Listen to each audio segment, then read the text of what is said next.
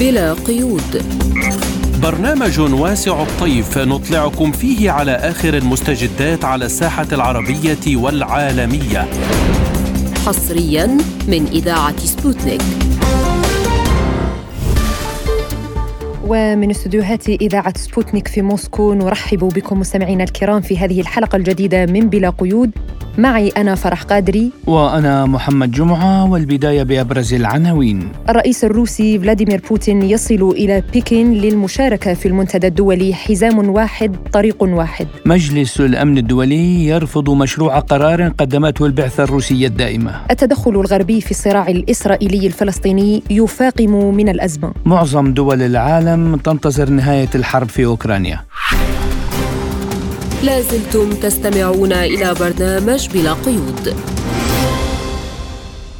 ونبدأ التفاصيل بالزيارة التي يجريها الرئيس الروسي فلاديمير بوتين اليوم الثلاثاء إلى العاصمة الصينية بكين للمشاركة بأعمال المنتدى الدولي حزام واحد طريق واحد. وتنطلق اليوم أعمال المنتدى الثالث للتعاون الدولي حزام واحد طريق واحد في بكين بحضور ضيف الشرف الرئيس الروسي فلاديمير بوتين. الذي سيعقد مباحثات شاملة مع نظيره الصيني شي جين بينغ وأعلن مساعد الرئيس الروسي يوري أوشاكوف أن الرئيس فلاديمير بوتين والزعيم الصيني شي جين بينغ سيبحثان بشكل شامل العلاقات الثنائية وسير تشكل نظام عالمي متعدد الأقطاب أكثر عدالة. يضم الوفد الروسي عشرات الوزراء ونواب الوزراء ورؤساء الشركات والمؤسسات الصناعية والاقتصادية الروسية الكبرى بما فيها العسكرية والسككيه. وللحديث أكثر حول هذا الموضوع ينضم إلينا من مصر أستاذ العلاقات الدولية الدكتور حامد فارس أهلا وسهلا بك دكتور وشكرا لتواجدك اليوم معنا في بلا قيود. أهلا بيك يا دكتورة فرح واهلا بالأستاذ محمد سعيد بوجودي معاكم على إذاعة سبوتنيك. يعني آه، نبدأ معك مباشرة من زيارة الرئيس الروسي فلاديمير بوتين إلى العاصمة بكين. برأيك ما أهمية هذه الزيارة في هذا التوقيت؟ ويعني بعد مرور عشر سنوات من هذه المبادرة طريق واحد حزام واحد. يعني في ظني وتقديري أن التحالف الروسي الصيني هو لخدمة القضايا الإقليمية والدولية في ظل عجز نظام دولي كبير عن القيام بأي إجراءات أو خطوات من شأنها تخفيف حدة الصراع في الكثير من كل دول العالم. هذا التحالف وهذه الزيارة تأتي في توقيت دقيق وحساس بتمر به المنطقة العربية وفي ظل صراع متصاعد من قوات الاحتلال الإسرائيلي تجاه قطاع غزة وتجاه القضية الفلسطينية ومحاولة تصفيتها. هذا اللقاء سينعكس بشكل إيجابي ومهم على الكثير من القضايا في ظل وجود رغبة وإرادة سياسية مشتركة بين روسيا والصين لأن يكون هناك طريق واحد وحزام واحد وتحالف بلا حدود وشراكات استراتيجية حقيقية تحقق ليس فقط المصلحة الروسية الصينية ولكن مصلحة كل دول العالم. تقتضي أن ندعم هذا النظام لأن مشاكل العالم لن تحل ولن يكون هناك هناك لها انتهاء إلا بانتهاء عالم القطب الواحد ووجود الولايات المتحدة على كرسي رئاسة العالم وبالتالي دعم روسيا ودعم الصين وإسقاط النظام القمعي الغربي الحقير الذي لم يمثل أي شيء لأمتنا العربية ولا حتى للقضايا الإقليمية والدولية بل يبحث عن تحقيق مصالحه على على حساب شعوب المنطقة العربية وعلى دماء الكثير من الشعوب وهو ما حدث في كل العقود السابقة وليس فقط في القضية الفلسطينية الإسرائيلية. نعم دكتور وهل يمكن أن يصبح التعاون الاستراتيجي بين موسكو وبكين الأساس لتشكيل نظام عالمي جديد؟ في ظني وتقديري أن هناك رغبة دولية حقيقية بعيدا عن روسيا والصين والتعاون المثمر بينهم، هناك رغبة حقيقية بدأت تظهر لدى الشعوب العربية قبل حتى الحكام من محاولة التخلص من نظام الولايات المتحدة الأمريكية والنظام الغربي القمعي الذي دائما وابدا هو يرى بعين واحدة ونظام الأعور الذي لا يرى إلا بهذه العين. كدلالة واضحة على ما نشاهده الآن من تحركات يعني مستفزة ويعني خطوات من قبل الإدارة الأمريكية لدعم إسرائيل على حساب القضية العادلة القضية الفلسطينية، حتى في الصراع الروسي الأوكراني وهو الصراع المهم جدا الذي لا يقل أهمية عن الحرب الروسية الأوكرانية عن عفوا عن الصراع الفلسطيني الإسرائيلي. نجد أن الولايات المتحدة تغذي الصراع وبكل قوة من أجل تحقيق مصالحها ومحاولة استنزاف روسيا من خلال دعم أوكرانيا. هذه الدولة المارقه التي لم تحترم القانون الدولي لم تحترم الجوار تريد بشكل واضح استغلالها كأداة لتحقيق أهداف الغرب في تهديد أمن روسيا. وهو ما أدركته القيادة الروسية وتحركت في هذا الاتجاه وبدلا من أن يكون هناك تطمينات للامن القومي الروسي سعت الولايات المتحدة الأمريكية وحلف الناتو للتحرك وبكل قوة إلى تقويض روسيا وهو ما أدركه الرئيس بوتين وتحرك للقضاء على هذه المخططات الشيطانية التي ترغب بكل قوة إلى تحقيق مصالح الغرب على مصالح روسيا. نعم يعني شعار المنتدى حزام واحد طريق واحد. يعني بالمؤكد طيلة هذه العشر سنوات كما قلنا حمل رسائل معينة. ألا تعتقد أن اليوم آه، باستطاعة هذا التحالف الروسي الاقتصادي آه، مع الصين آه، أن يواجه القوة الأمريكية ويصل إلى نظام عالم متعدد الأقطاب عالم عادل أكثر عدالة يعني؟ أتفق مع حضرتك جدا يا دكتورة فرح لأن بالفعل يعني عندما نريد أن نخرج الولايات المتحدة الأمريكية من المشهد الولايات المتحدة لن تخرج إلا اولا من الزاويه الاقتصادية. والتعاون الروسي الصيني ليس فيما بينهما فقط اللي من الممكن جدا أن يصل إلى 200 مليار دولار وده رقم كبير جدا.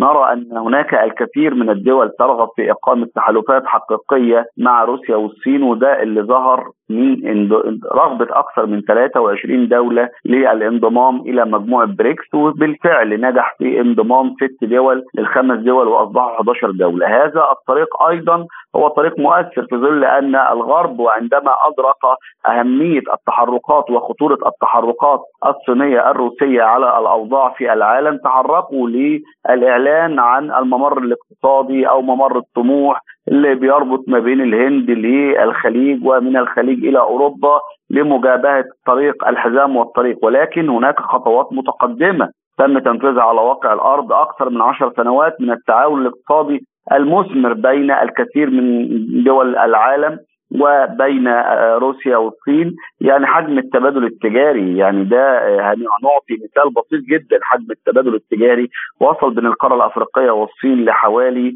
258 مليار دولار.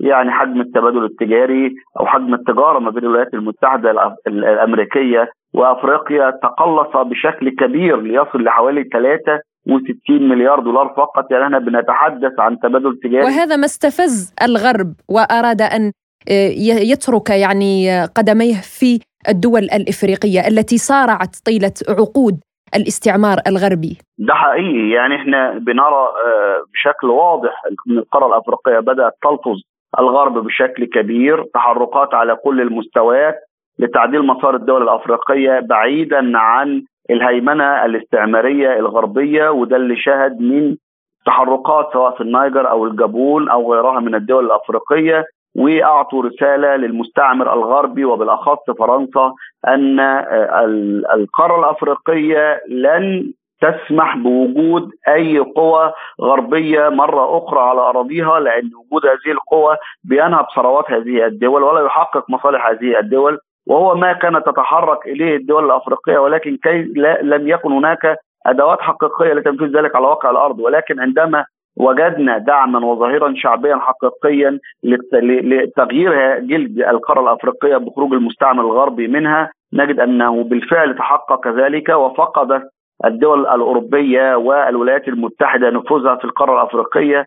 بشكل واضح وده اللي ظهر نتيجة تراجع حقيقي للدور الأمريكي في حل المشكلات. يعني القمة الأفريقية الأمريكية الأولى عقدت في العام 2014 القمة الأفريقية الأمريكية الثانية عقدت في العام 22 إحنا بنتحدث عن فجوة كبيرة بعكس روسيا اللي دائما وابدا القمة الأفريقية الروسية الأولى كانت في العام 2019 ولولا جائحة كورونا والوضع الذي حدث كانت ستتكرر هذه القمة ولكن عقدت القمة الثانية في مدينة سان بطرسبورغ وهناك رغبة حقيقية من جانب روسيا لتقديم كل الدعم للشعوب الأفريقية وللدول الأفريقية حتى في أزمة الغلال وأزمة الغذاء نجد أن روسيا هي من وقفت بكل قوة مع الشعوب الأفريقية وقامت بمنح آه، آه، هؤلاء تلك الشعوب الكثير من السلع الغذائية والحبوب مجانا دون حتى الحصول على أي مقابل لهذه السلع.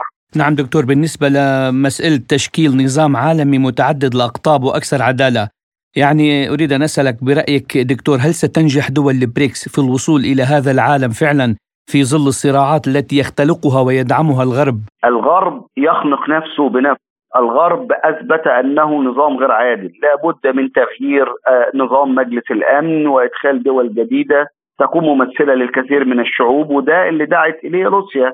وأيضا الصين ولم تدعو للدولتين الجدد في النظام الدولي المهمين جدا والمؤثرين في كل القضايا الدولية ولكن حتى الولايات المتحدة الأمريكية نفسها اعترفت بفشل النظام الدولي برغبتها في تعديل آه، نظام مجلس الأمن.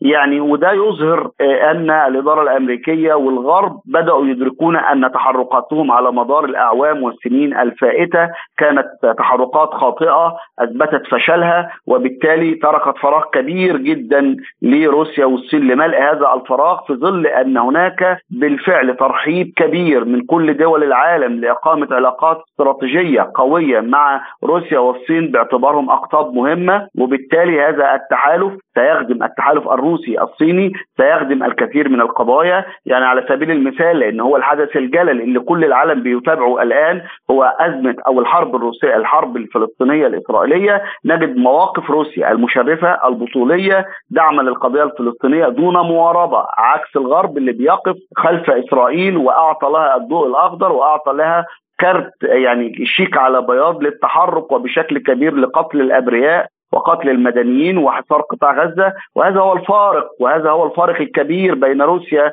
باعتبارها دولة إنسانية، دولة محترمة تحترم الشعوب، تحترم الأديان، تحترم كل الأديان، يعني عكس الغرب يعني إحنا شاهدنا جريمة يدين لها ال ال ال ال ال ال الناس كلها ويدين لها الشعور ويدين لها كل الأبدان وهي قتل طفل صغير داخل الولايات المتحدة الأمريكية ب 26 طعنة. هذا هو الفارق نعم هذا هو الفارق الكبير. يعني آه، دكتور هنا آه، مواقف الدول الغربية من الأزمة الروسية الأوكرانية كانت معادية لروسيا وفرض عقوبات واصلا طالبوا بمعاقبة الرئيس الروسي فلاديمير بوتين واعتباره مجرم حرب بعكس ما اعتبروه في آه، إسرائيل بأن إسرائيل لها الحق في الدفاع عن نفسها ويعني لم يجرموا هذه الانتهاكات المتواصلة طيلة لن أقول هذه العشرة أيام ولكن طيلة عقود في حق الشعب الفلسطيني. كيف ترى الدور الذي سيلعبه التحالف الروسي الآسيوي في الشرق الأوسط؟ أنا معجب جدا بسؤال حضرتك لأنه بالفعل تحالف روسي شرق آسيوي ودي نقطة مهمة جدا لأن روسيا نجحت في إقامة شبكة علاقات على الرغم من العقوبات الغربية على الرغم من محاولة عزل الغرب روسيا عن العالم إلا أن العالم الغربي والولايات المتحدة الأمريكية وبسياستهم الخاطئة هم من عزلوا أنفسهم. أصبحت الإدارة الأمريكية هي الآن معزولة أصبح هناك أزمة ثقة حقيقية من قبل كل شعوب العالم في الإدارة الأمريكية لإيجاد تفاهمات وحلول حقيقية في الكثير من الأزمات. يعني آه، أصبحت غير وسيط وسيط غير مقبول وأصبحت طرف وليس الطرف. يعني الجميع يقول أن الولايات المتحدة الأمريكية تتعامل باعتبارها آه، تكيل بمكيالين هي تعدت هذه المرحلة هي لا تكيل بمكيالين ولكنها أصبحت جزء من إسرائيل جزء من المعادلة الاستراتيجية الإسرائيلية. حتى في الحرب الروسية الأوكرانية الغرب كما من يطلق النار على نفسه. يعني آه، أزمات كثيرة جدا داخل القارة الأوروبية. هي نتيجة توقيع العقوبات الغربية على روسيا. ولا أحد ينسى أن أوروبا بشكل عام كانت تعيش رفاهيتها على الغاز الروسي الرخيص على تدفقات هذا الغاز الذي كانت أوروبا بشكل كامل تحصل عليه بأرخص وأزهد الأثمان عكس الإدارة الأمريكية اللي بتتربح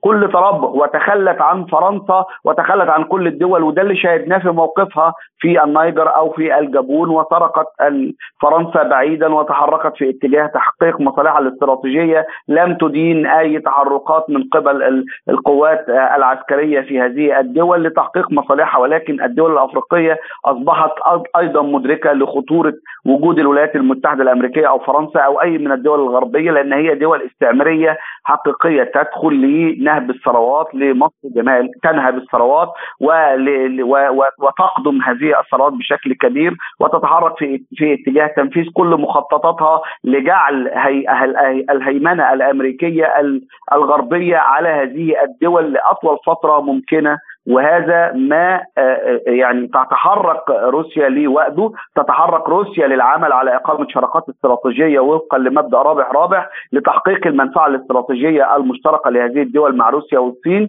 وهذا جعل الدول الأفريقية تميل وكل شعوب العالم تميل أكثر وأكثر إلى إقامة هذه العلاقات القوية للعلاقات الاستراتيجية بين روسيا وبين هذه الدول لتحقيق المنفعة المتبادلة. شكرا لك أستاذ حامد فارس الدكتور في العلاقات الدولية.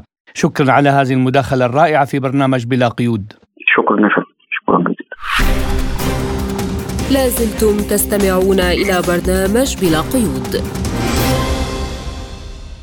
وفي ملفنا التالي وما يحدث في قطاع غزة تتجدد الغارات الإسرائيلية على مناطق متفرقة من قطاع غزة الذي يتعرض لقصف إسرائيلي بري وبحري وجوي منذ إطلاق حركة حماس عملية طوفان الأقصى في السابع من أكتوبر الجاري وإسرائيل التي يزورها اليوم الرئيس الأمريكي جو بايدن تطلب مساعدات طارئة بقيمة عشرة مليارات دولار. في سياق متصل رفض مجلس الأمن التابع للأمم المتحدة مشروع القرار الروسي الذي اقترحته روسيا لحل الأزمة الإنسانية في قطاع غزة وجاء الرفض بسبب أن القرار يدين إسرائيل وهذا ما لم تسمح به واشنطن لمجلس الأمن. ويذكر مستمعينا الكرام أن مشروع القرار الروسي يتضمن الدعوة إلى وقف إطلاق نار كامل وفوري وثابت ويدين العنف ضد المدنيين وكافة الأعمال الإرهابية كما يدعو إلى الإفراج عن جميع الأسرى الرهائن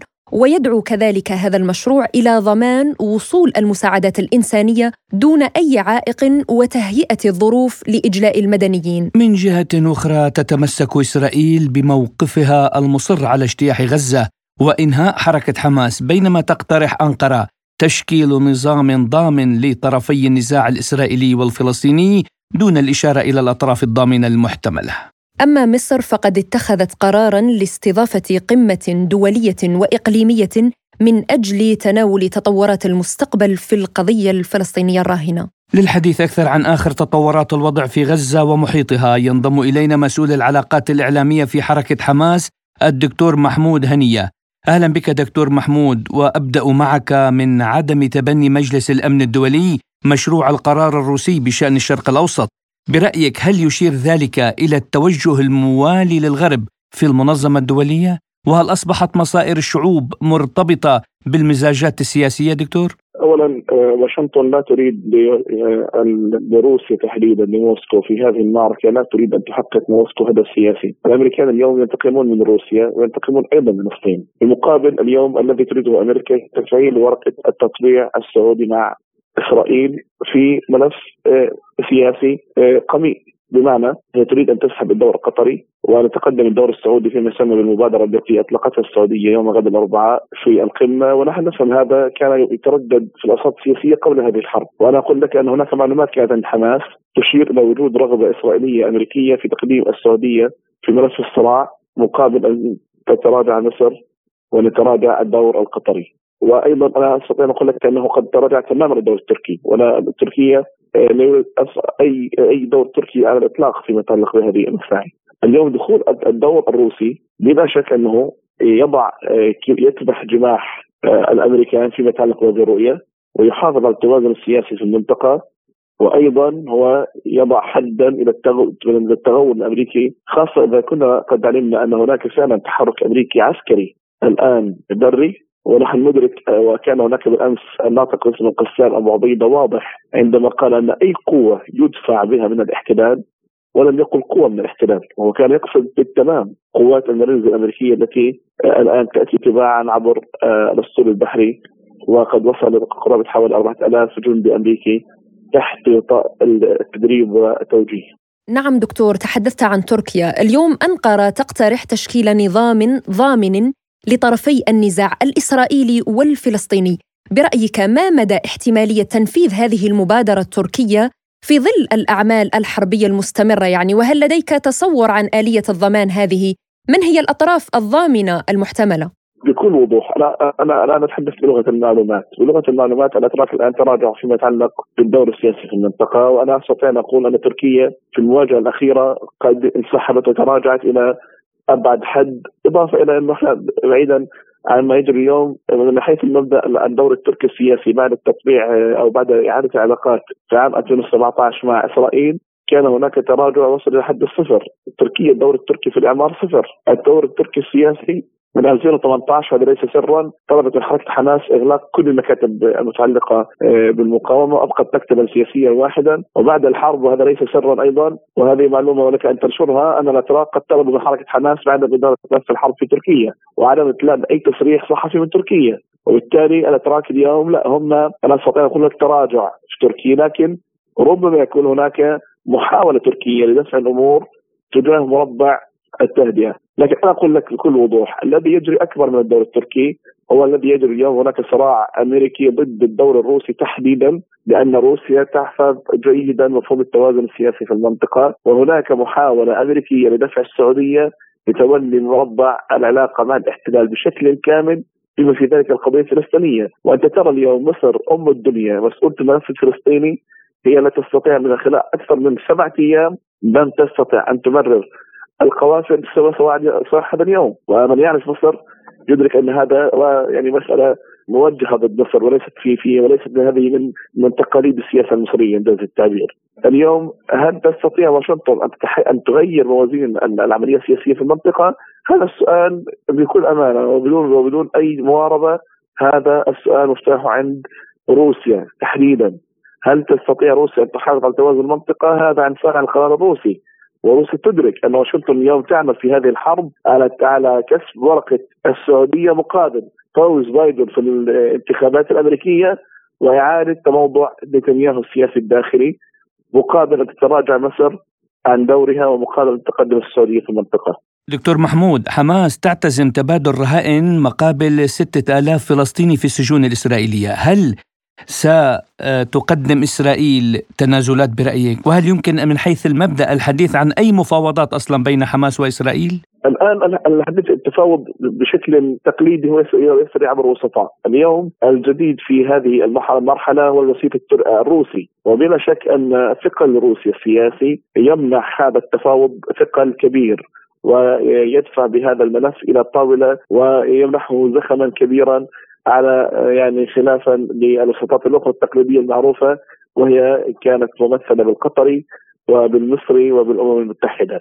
إيه، لكن أنا أريد أن أشير إلى مسألتين أخي أستاذنا العزيز، المسألة الأولى أن هناك عملية العملية التي حصلت كانت عملية مزدوجة، عملية من المقاومة مخطط لها وأيضا كان هناك تفاعل شعبي وطني، وأنا رأيت ربما انهيار القوات الإسرائيلية السريع. والناس دخلت وأتت ببعض الناس وبعض الشخصيات وبعض الأشخاص من عمال ومن جنسيات مختلفة وجاءوا إلى غزة. الآن المقاومة ميدانيا لم تستطع أن تتعامل مع هذا الحدث بحد يعني بحكم التطورات والقصف العنيف وحالة الدمار العنيف. لكن عندما تمكنت من التعامل هي قالت بالأمس بشكل واضح أن هؤلاء من الجنسيات التي آه، من الخارج هذه هؤلاء هم ضيوف عندنا نحن سوف نفرج عنهم في الوقت الذي يعني يمكن أن يكون سانحا عندما تسمح الأوضاع الميدانية والعسكرية. الناطق باسم القسام تحدث بوضوح عن وجود 2500 أسير في حوزة المقاومة والبقية أنا حسب المعلومات متوفر المعلومات نتحدث عن تقريبا بضع عشراتهم من جنسيات يعني ليست إسرائيلية. الآن نتنياهو كان يرفض أي تقدم في مسار إنه الفرج عن هؤلاء الضيوف وناس تحكم مثلا مثل المقاومة، المقاومة قالت هؤلاء هم ضيوف عندنا ورفض أيضا آه، فتح معبر رفح ورفض إدخال المساعدات حتى هذا الصباح هذا اليوم. أنا أتوقع مع إدخال المساعدات اليوم المقاومة قد تذهب في اتجاه آه، فعلا تحريك هذا الملف المتعلق بالإفراج عن هؤلاء الضيوف كما اسستهم المقاومة. لكن فيما يتعلق بالأسرى فأنا أستطيع أن أقول من من مبدأ معلومات موثوقة هذا ملف تفاوض منفصل. المقاومه قالت لا يمكن أن نفاوض في موضوع الأسرى والحرب مستمرة وبالتالي طالما أن هناك حرب ما زالت مستمرة حتى هذه اللحظة من قصف البيوت ومن مجازر ومن إرهاب فأنا أستطيع أن أقول أن ملف التفاوض على الأسرى هذا ملف لا يمكن أن يتحرك بالشكل الذي يمنح حيويه والذي يمنح القدرة على الوصول إلى نتائج. نعم دكتور محمود يعني كما ترى ويرى العالم أجمع إسرائيل ليس عليها لا رقيب ولا حسيب تقصف مجددا جنوب لبنان بذخائر الفوسفور، لماذا المجتمع الدولي اليوم صامت والسلطات اللبنانية لا تستطيع أن تحرك ساكن؟ اليوم أنا أقول لك الموقف العربي بالمجمل وليس فقط موقف الدولة اللبنانية هو موقف المذعور، الموقف الذي لم يصدق حتى هذه اللحظة أن إسرائيل يمكن أن تهزم، وهم يعتقدون يعتقدون أن إسرائيل بالمجازر التي ارتكبتها قد اعادت هيبتها، لكن أنا أقول لك بكل وضوح دماء الأطفال والنساء صحيح إنه مؤلم وموجع لكن في في في في عرف الدول لا يمنح الدولة لا هيبة ولا قدرة ولا طاقة انهارت في السابع من أكتوبر لا يمكن أن تعيد بنائها على جثث الأطفال والنساء. اليوم الموقف العربي انت كما ترى، اليوم الموقف العربي في في في قمة الحزن. حالة من أن يندد يندد بك يندد بوجعك بينما كانت الدول العربية قاطبة 27 دولة عربية ان تمنع المستوطنين من اقتحام المقدسات. عاجزه أن تمنع المستوطن الكنائس.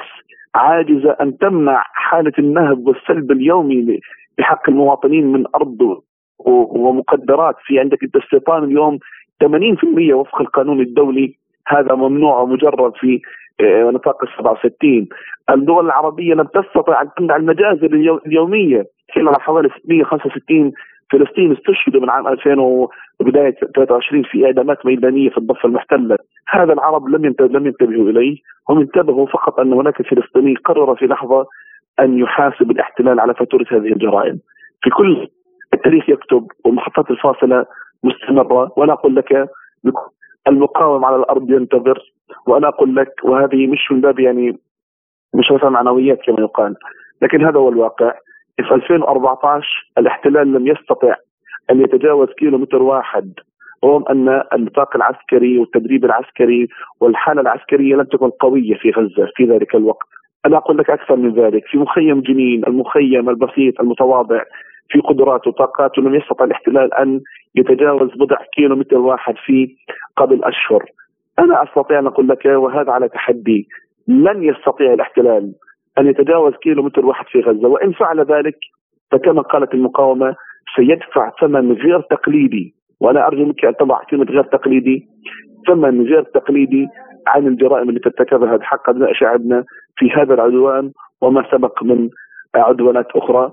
وأستطيع أن أجزم لك أن المقاومة لديها من المفاجآت ما تجعل إسرائيل مسخرة القرن وسترى أنت بعينك كيف أن جنود الاحتلال الذين كانوا يبكون تحت مقاومين في السابع من أكتوبر هذه المرة لن يتمكنوا أصلا أن يقولوا لا ميمه ولا يابا ولا اي ولا أي كلمة تسعفهم إن شاء الله.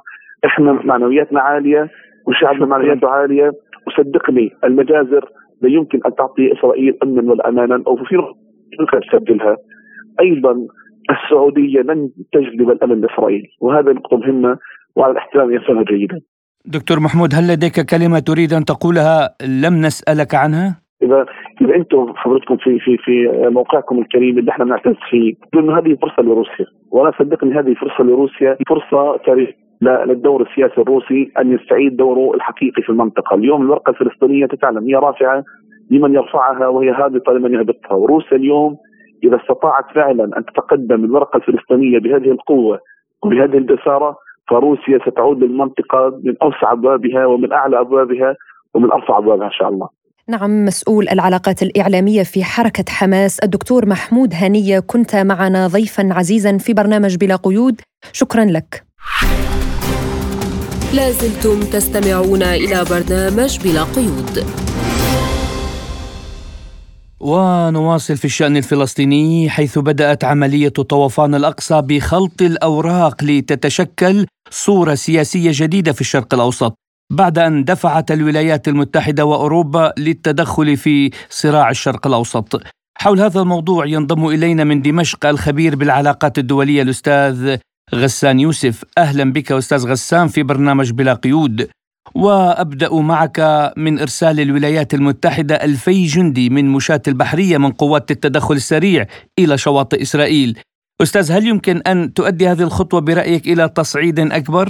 آه، طبعا يعني مجرد أن الولايات المتحدة أرسلت بارجتين وحوالي 2000 جندي من المشاة البحرية أو قوات التدخل السريع إلى شواطئ فلسطين المحتلة. هذا يمكن أن يؤدي إلى تصعيد طبعا سيؤدي إلى تصعيد. لماذا سيؤدي أيضا؟ يعني حتى أن إسرائيل ستشعر بأن هناك من يدعمها آه، من يدعمها هناك من يقف إلى جانبها ولذلك ستصعد. يعني وحتى يعني أن هذه الدول التي أرسلت هذه الجنود سواء كانت الولايات المتحدة أو المملكة المتحدة أو الدول الغربية تحت غطاء مثلا حلف شمال الأطلسي آه، هذا سيؤدي إلى آه، يعني أن يكون هناك تصاعد آه، في العدوان الإسرائيلي على غزة. نعم يعني أستاذ غسان هل برأيك اليوم واشنطن تستعد لمواجهة حقيقية مع إيران وافتعلت ما يحدث اليوم في فلسطين فقط لتخلق ذريعة جديدة لمعاداة إيران؟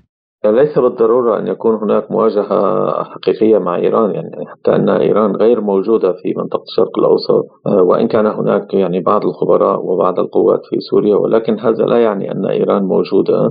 هي تريد يعني إبادة الشعب الفلسطيني هي تريد استكمال احتلال غزة واحتلال الضفة وإقامة الدولة اليهودية الخالصة يعني في المناطق التي تمتد من النهر من النهر إلى البحر يعني على مبدأ نظرية مائير كهانا ويعني العنصريين الجدد كابن كفير وسمورتش أعلن رئيس الوزراء البريطاني ريشي سوناك تعزيز الوجود العسكري البريطاني في الشرق الأوسط. أستاذ ما هي الأهداف التي تسعى بريطانيا العظمى إلى تحقيقها؟ وما الذي يستلزمه هذا التعزيز برأيك؟ ما ينطبق على الولايات المتحدة.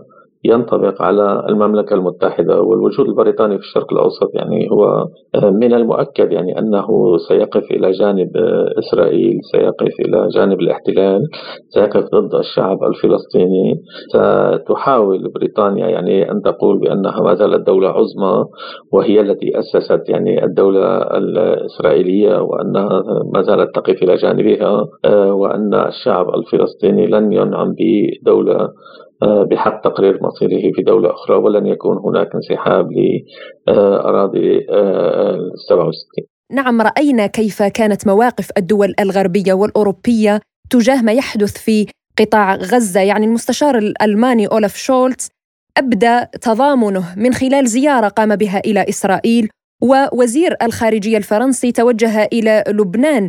يعني ما هي برأيك مصالح المسؤولين الأوروبيين اليوم في منطقة الشرق الأوسط؟ نحن نتحدث آه، عن احتلال فعلي للمنطقة سواء سياسيا اقتصاديا وعسكريا لا سيما. بالنسبة لألمانيا يعني لديها عقدة الذنب تجاه اليهود وهي لم تخفي ذلك ولاحظنا كيف أنها أعلنت تأييدها الكامل لإسرائيل وكيف منعت المظاهرات المؤيدة للشعب الفلسطيني. حتى يقال أن هناك يعني تعديل لقانون الهجرة والجنسية وغير ذلك وشرط أن يتضمن الاعتراف بدولة إسرائيل وعدم مهاجمة إسرائيل حتى بالمظاهرات وحتى بالهتافات ما هي مصالح الأوروبيين في ذلك؟ أنا أعتقد بأن الأوروبيين هم الزيل الحقيقي للولايات المتحدة فإن تحرك الرئيس تحرك الزيل وهذا ما يحدث الآن آه، هل نتحدث عن احتلال فعلي للمنطقة سياسيا واقتصاديا وعسكريا؟ أنا أرى أن المنطقة كلها محتلة من قبل الولايات المتحدة ولم يبقى إلا أن تنزل الجيوش يعني في الدول التي ما زالت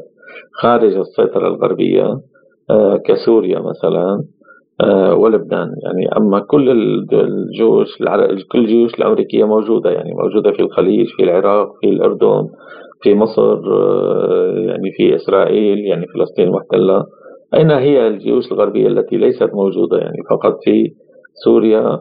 ولا وموجودة يعني إذا رجعنا للولايات المتحدة موجودة في شمال شرق سوريا وفي قاعدة التنف يعني أصبحت يعني آه، ولذلك أنا أعتقد بأن الاحتلال موجود والسيطرة موجودة والهيمنة موجودة ولذلك هذا سيشجع حركات المقاومة.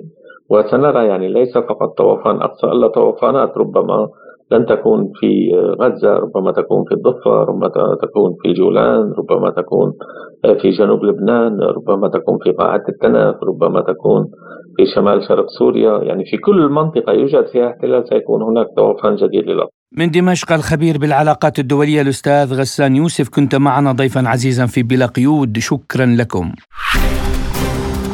لازلتم تستمعون إلى برنامج بلا قيود.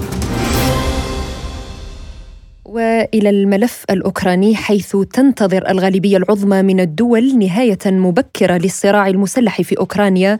فيما تهدف خطة السلام التي طرحتها الصين إلى تحقيق هذا الهدف على وجه التحديد وقد صرح بذلك وزير الخارجية والعلاقات الاقتصادية الخارجية المجري بيتر سيارتو بعد اجتماعه في بكين مع نظيره الصيني وانغ وأشار إلى أن هذا الصراع الأوكراني وسبل حله كان الموضوع الرئيسي للمفاوضات بين الجانبين. طبعا دعمت بودابست خطة السلام التي طرحتها بكين منذ البداية بما في ذلك الدعوات لوقف إطلاق النار واحترام المصالح الأمنية لجميع الدول وأيضا تطبيع الوضع الإنساني وتبادل الأسرى. عن آخر تطورات الحرب في أوكرانيا ينضم إلينا الخبير بالشأن الروسي الأستاذ صدقي زاهر عثمان. أهلا بك أستاذ صدقي في برنامج بلا قيود وأبدأ معك من ما اعتبره وزير الخارجية المجري في أن معظم الدول تنتظر نهاية الصراع في أوكرانيا. هل برأيك أصبح الإرهاق الناجم عن الأحداث في أوكرانيا الآن سيد الموقف وخاصة في المجتمعات الأوروبية التي تأثرت بشدة من العقوبات الغربية على روسيا؟ بعد انهيار الاتحاد السوفيتي أقامت دول الاتحاد الأوروبي وأوروبا علاقة استراتيجية طويلة الأمد مع روسيا بحكم أن روسيا هي الدولة الأكبر في العالم والدولة الأغنى في العالم من حيث الموارد الطبيعية بحيث أصبح الاعتماد الأكبر دول الاتحاد الأوروبي وأوروبا على الموارد الطبيعية الرخيصة اللي تم تزويدها آه، من روسيا. هذا الشيء مثل ما شاهدنا بما حدث بعد بفترة التسعينات آه، بناء خطوط الأنابيب الغاز طويلة الأمد أصبح بشكل أو بآخر آه، جميع الصناعات جميع مستلزمات الحياة اليومية في الدول الأوروبية يعتمد على هذه الموارد الروسية.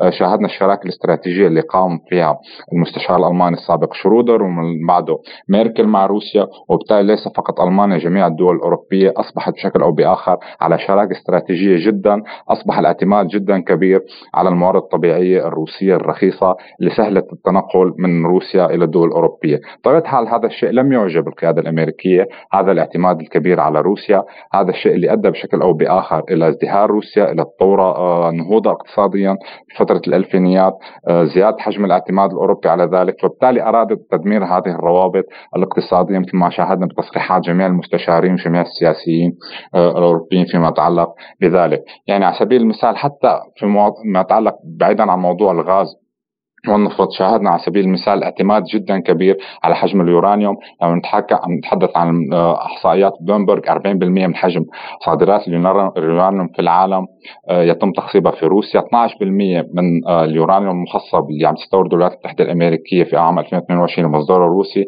أما أوروبا تعتمد 17% 1.7 مليار دولار قيمة الصادرات الروسية من الوقود النووي للشركات الأمريكية و828 مليار عفوا مليون دولار هي حجم الصادرات الوقود النووي من روسيا إلى آه، أوروبا. عندنا خمس دول أوروبية تعتمد على آه، المفاعلات النووية الروسية أو السوفيتية سابقا لعددها 19 في الدول الاوروبيه وايرادات فرنسا من آه، اليورانيوم المخصب ازدادت من روسيا ازدادت من حوالي 110 طن في 2021 إلى 312 طن في عام 2022 هذا الشيء يتعلق في جميع الدول الأوروبية. طبعا في بعض الدول الأوروبية كان عندها آه، بعد نظر تجاه هذا الشيء إنه هذه الشراكة الاستراتيجية طويلة الأمد الاعتماد الكبير جدا للاقتصاد الأوروبي على روسيا. لا يمكن أن يتم فكه بشكل أو بآخر أو بليلة بضحاها أو حتى فترة طويلة الأمد. شاهدنا آه، مثلا دول مثل آه، المجر شاهدنا حاليا مع الانتخابات الحاصلة في سلوفاكيا شاهدنا حاليا التململ الحاصل في بولندا. نتيجه هذه المساعدات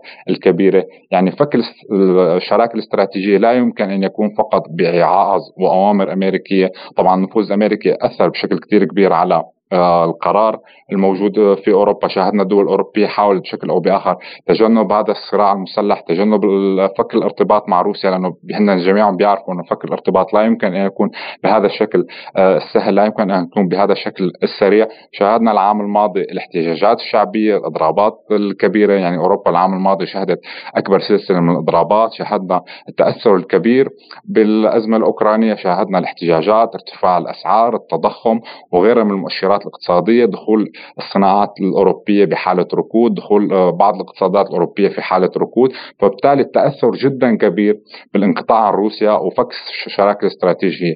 مثل ما كنا نشاهد بالسنوات السابقة كان دائما الأوروبيين يوصفوا آه، الروس بالشركاء وحتى السياسيين الروس والقادة الروس عم يوصفوا علاقتهم بالدول الأوروبية علاقة شراكة. بطبيعة الحال كانت هي فعلا علاقة شراكة. وفك هذا الارتباط لن يكون بالأمر السهل. حاليا عم نلاحظ إنه خلال بعد حوالي سنة ونص الارتباط آه، لم لم يجدوا أي مصادر أخرى بديلة رخيصة ممكن أن تعيد آه، نهضة الصناعات الأوروبية والاقتصادات الأوروبية وبالتالي ارتفاع أو عودة الحالة المعيشية في الدول الأوروبية إلى مستويات ما قبل الأزمة الأوكرانية، فبالتالي هذا الشيء آه، أكيد حاصل حاليا في المجتمعات الأوروبية ولدى السياسيين الأوروبيين في إعادة النظر في جميع ما يجري في أوكرانيا، في إعادة النظر بإعادة الشراكات الشراكة الاستراتيجية.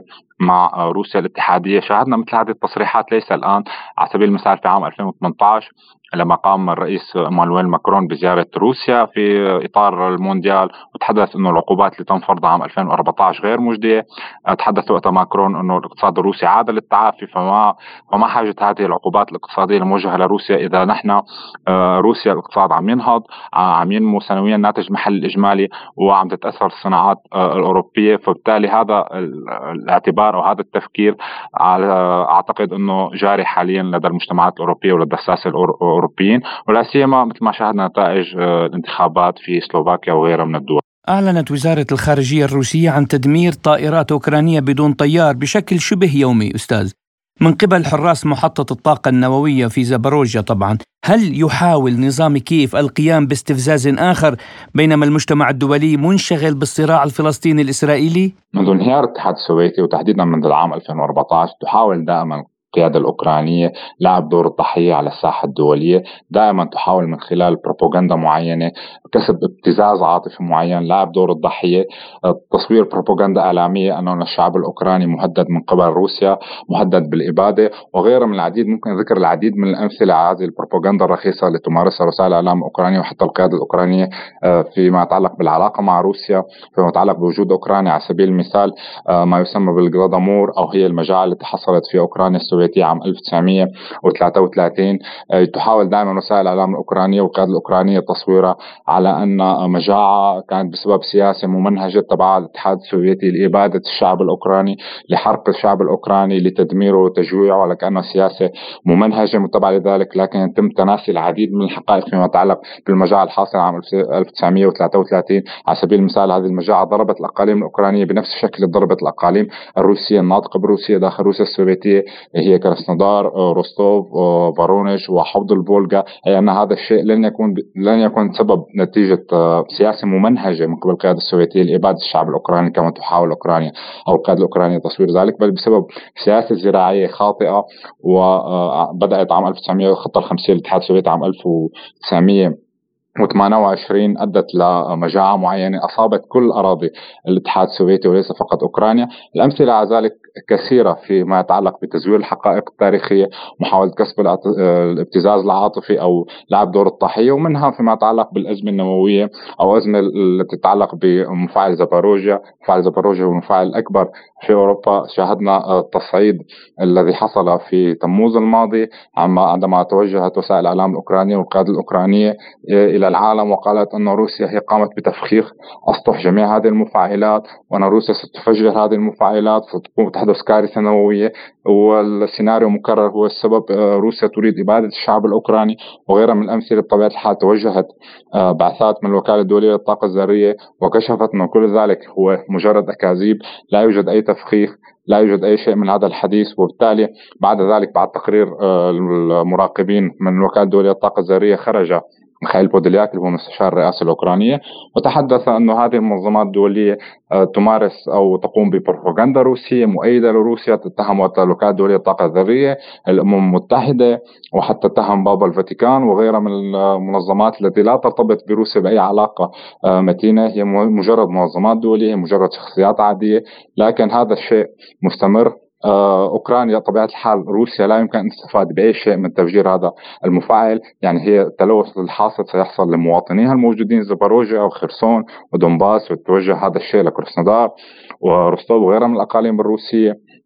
فبالتالي هذا الشيء إذا حصل أوكرانيا تحاول خلق كارثة نووية معينة أكذوبة آه، معينة أن روسيا قامت بهذا التفجير أو ستقوم بهذا التفجير لتدخل معين. بطبيعة الحال هذا كل شيء مرتبط بالفساد اللي حاصل أو الفضائح الحاصلة فيما يتعلق بصادرات الأسلحة الغربية. شاهدنا الفساد الكبير التقارير الكبيرة اللي وصلت حتى للكونغرس الأمريكي الذي أصبح بحاجة لتقارير من قبل القيادة الأوكرانية آه، انه القيادة الأوكرانية أين تذهب بهذه الأسلحة؟ شاهدنا مثل الرئيس بوتين تحدث إنه لا يستبعد آه، خلال اجتماع الدول رابطه المستقلة تحدث إنه لا يستبعد. ان يتم آه، حدوث تسريب أسلحة من أوكرانيا لما تحدثوا إنه حماس سلم أسلحة من أوكرانيا. قد يكون هذا التسليم ليس مباشر لكن المساعدات الغربية قد تكون توجهت إلى فلسطين بشكل غير مباشر. وغيرها من المواضيع اللي هي أوكرانيا تحاول بثها لمحاولة كسب تعاطف أكبر لمحاولة آه، خلق كارثة نووية مستفادة منها أو جذوبة معينة كغيرها من الأكاذيب الغربية لتحاول دائما القيادة الأوكرانية اتباعها للعب دور الضحية. نعم يعني الولايات المتحدة الأمريكية أعلنت عن استعدادها للعمل البناء حسب وصفها مع روسيا بشأن العودة إلى تطبيق معاهدة الحد من الأسلحة الهجومية الاستراتيجية ستارت ثلاثة.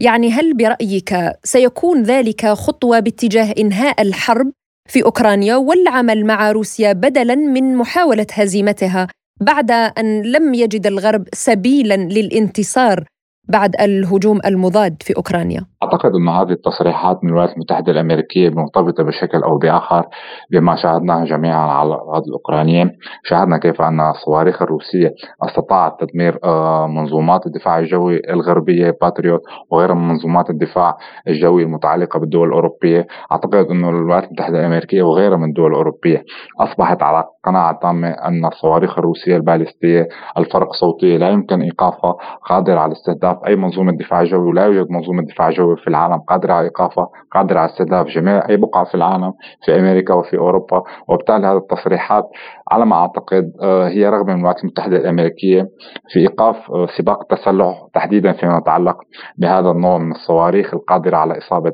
آه، أي هدف في العالم والغير قادرة على إيقافها. لكن أعتقد انه هذه جزء من اللعبة السياسية فيما يتعلق بسباق التسليح أي أن الولايات المتحدة الأمريكية دائما تحاول فرض قواعد معينة أو شروط معينة على سباق التسليح لحتى لا تتمكن أي دولة من العالم بسباقها أو حتى التغلب عليها في هذا الموضوع. لكن آه، للأسف لا أعتقد أنه هذا الشيء آه، يتعلق في في موضوع تزويد أوكرانيا بالأسلحة أو حتى إيقاف العمليات العسكرية الموجودة على الأراضي الأوكرانية.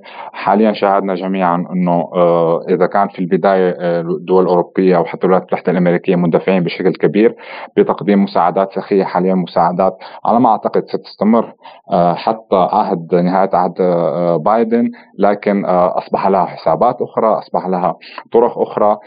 على ما أعتقد العمليات العسكرية والأزمة الأوكرانية على السنة القريبة أو الأمد القريب أو حتى الأشهر القريبة القادمة ستستمر. هذا الشيء مرتبط لا يمكن أن ينفك عن الأزمات الموجودة في العالم عن انشغال العالم بالقضية الفلسطينية والأزمة الفلسطينية. آه، لا يمكن أن ينفك عن الأزمات الاقتصادية. الموضوع الاقتصادي أي أن الموضوع له أبعاد أخرى.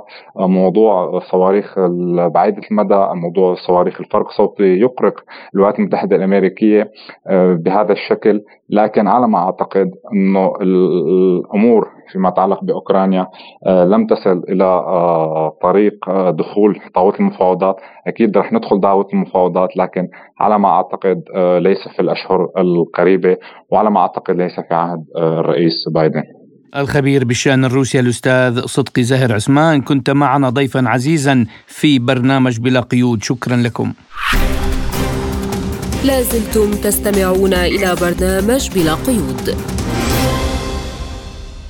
وفي الشأن التركي دعا ممثل الحزب التركي الوطن أوزغور بورسالي السلطات التركية إلى إغلاق القواعد الأمريكية الموجودة في البلاد والانسحاب من الناتو احتجاجا على دعم الإدارة الأمريكية لإسرائيل في الصراع مع فلسطين. وقال بورسالي إنه من الضروري نقل قاعدة كورشيك للدفاع الجوي وقاعدة إنجيرليك الجوية تحت السيطرة الكاملة للقوات المسلحة التركية وحظر استخدامها من قبل الولايات المتحدة وحلف شمال الأطلسي وإرسال الجيش الأمريكي إلى بلادهم وعدم التصديق على طلب السويد للانضمام للحلف وأيضا على تركيا مغادرة هذا الحلف. للخوض أكثر في تفاصيل الموضوع نستضيف معنا الخبير بالشأن التركي الدكتور محمد زاهد غول. أهلا وسهلا بك سيدي الكريم وشكرا لتواجدك معنا في بلا قيود يعني كما ترى ما يجري في قطاع غزة اختصر التضارب وازدواجية المعايير الغربية في سياسة التعامل مع انتهاكات حقوق الإنسان. برأيك هل لتركيا اليوم تأثير على قرارات الدول الغربية؟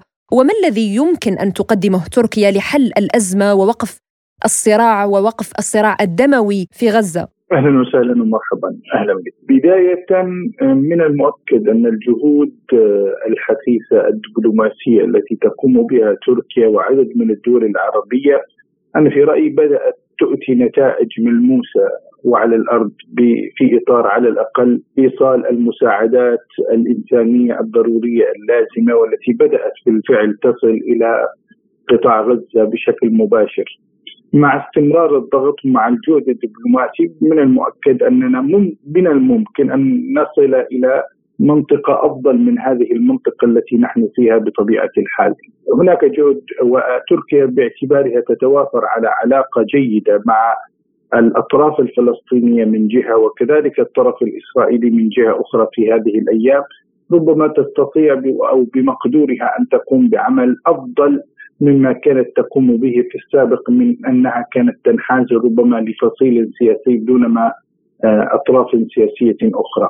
يعني أعتقد أن سياسة الاعتدال في السياسة الخارجية التركية استطاعت حقيقة أن تؤدي إلى نتائج ملموسة خلال الثلاث سنوات الماضية والأمر نفسه ينطبق على المشهد في غزة وخاصة أننا نتحدث عن مشهد معقد وربما يمتد شرارة هذا الصراع ربما إلى مناطق أخرى وبالتالي آه، الاعتدال ربما في التصريحات وكذلك الجهد الدبلوماسي والتنسيق مع الأطراف الدولية المعنية أعتقد أنه سيكون خير مخرج لهذه الأزمة في هذه اللحظات. نعم دكتور محمد ممثل لحزب الوطن التركي طالب بلاده بالانسحاب من الناتو احتجاجا على الدعم الأمريكي لإسرائيل بخصوص أحداث غزة. ما مدى واقعية خروج تركيا من الناتو برأيك؟ وما الذي يمكن أن يتغير لو فعلا تخرج تركيا من الناتو؟ يعني بداية حزب الوطن هو حزب من أصل 70 80 حزب تركي لا يتوافر على شعبية في الشارع التركي ربما لا يتصل نسبة التصويت له أكثر من مئة ألف صوت من أصل 90 مليون تركي وبالتالي آه، لا يمكن التعويل حقيقة على مثل هذه التصريحات آه، التي هي خارج النسق الواقعي ابتداء وانتهاء لكن من المؤكد أن وجود تركيا في داخل حلف الناتو كما أنه آه، أفاد لتركيا كثيرا وأيضا في نفس السياق هناك إشكاليات داخل هذا الحلف نشاهده بطبيعة الحال خاصة خلال السنوات الماضية.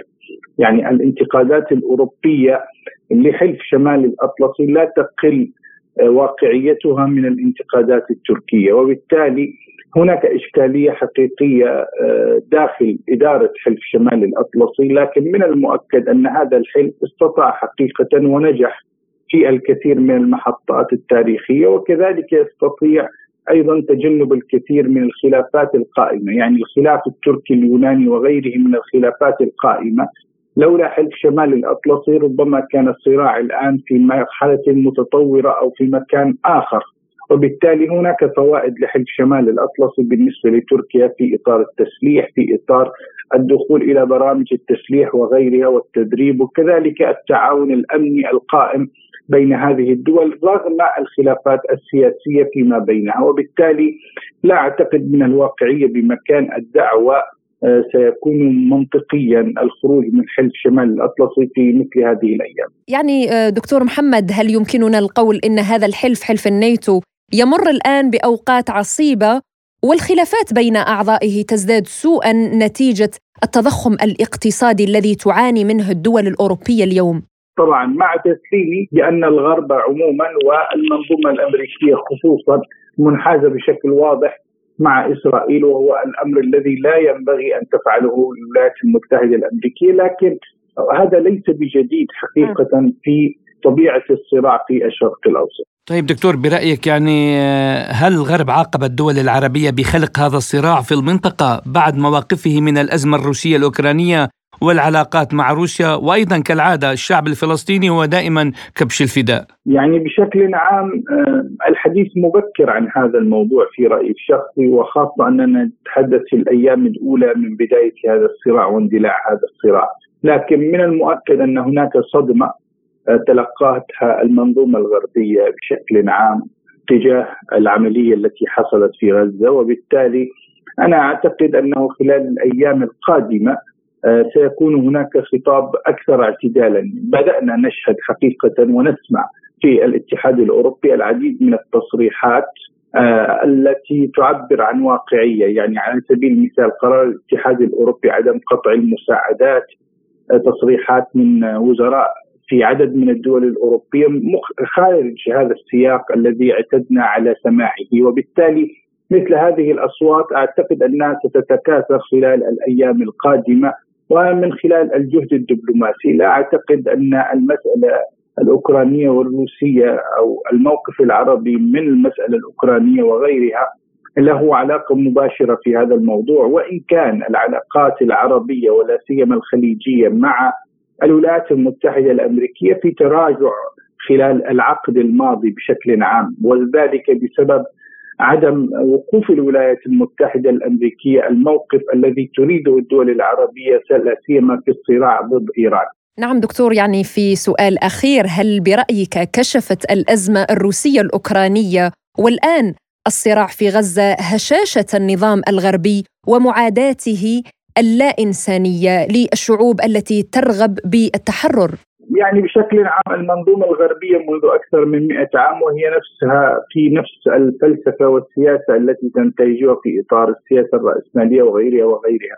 وبالتالي لا أعتقد أن هناك تغيرا وانكشافا مختلفا حقيقيا في إطار إدارة المنظومة الغربية. وبالتالي آه، نعم المنظومة الغربية تعاني من إشكاليات حقيقية لكن حتى هذه اللحظة لا يوجد هناك قوة عالمية تستطيع أن تقدم نفسها وتطرح نفسها كبديل خاصة في الشق السياسي والعسكري لهذه المنظومة الغربية. الخبير بالشأن التركية الدكتور محمد زاهد غول شكرا لك على هذه المداخلة القيمة. لازلتم تستمعون إلى برنامج بلا قيود. ونختم حلقة اليوم مستمعينا الكرام من برنامج بلا قيود بمنتدى الاستثمار العالمي الثامن المقام في أبو ظبي ولتفاصيل أكثر عن المنتدى معنا مراسلنا من هناك من أبو ظبي وائل مجدي. أهلا بك زميلي وائل. أهلا زميلتي فرح. يعني هل لك أن توافينا أكثر عن المنتدى التنظيم والرسالة الأساسية منه؟ زميل وائل أيضا أريد أن أضيف يعني التنمية المستدامة الحديث عنها قليلا في ظل الصراعات والحروب. كيف ترى آه، للدول المشاركة اليوم في المنتدى أهمية التصدي لهذه الأزمات المفتعلة في المنطقة؟ آه نعم. آه أهلا زميلي محمد. يعني آه في اليوم الثاني في آه منتدى الاستثمار العالمي المقام بأبو ظبي يعني كان آه هناك آه حضورا كبيرا مثل اليوم الأول. كان هناك العديد من الجلسات التي تحدثت كما قلت عن تركزت تحديثها عن التنمية المستدامة والاقتصاد المستدام. كان هناك الكثير من الجلسات التي تحاول البحث في الأزمات التي تتعرض لها المنطقة وخاصة الدول الإفريقية تحدثوا عن المجاعة وضمان استمرار سلاسل الامداد تحدثوا عن آه، تعطيل لبعض الدول للاغذيه للوصول لباقي دول العالم. آه، كان هناك حديث أيضا عن كوب 28 وعن التحول إلى الطاقة الخضراء والى الطاقة النظيفة والطاقة المستدامة. كان هناك العديد من الجلسات وكان هناك جلسة أيضا تتحدث عن أهمية الشراكة بين القطاعين العام والخاص وكيفيه إشراك القطاع الخاص من أجل قيادة المرحلة المقبلة آه، ومساعدة القطاع العام في الاستثمار والنهوض بالاقتصاد في ظل ما يعانيه العالم الآن آه، من ازمات وحروب. نعم نشكرك مراسلنا في أبو ظبي الأستاذ وائل مجدي. شكرا. مستمعينا الكرام إلى هنا تنتهي حلقة اليوم من برنامج بلا قيود. كنت معكم أنا محمد جمعة. وأنا فرح قادري وإلى اللقاء.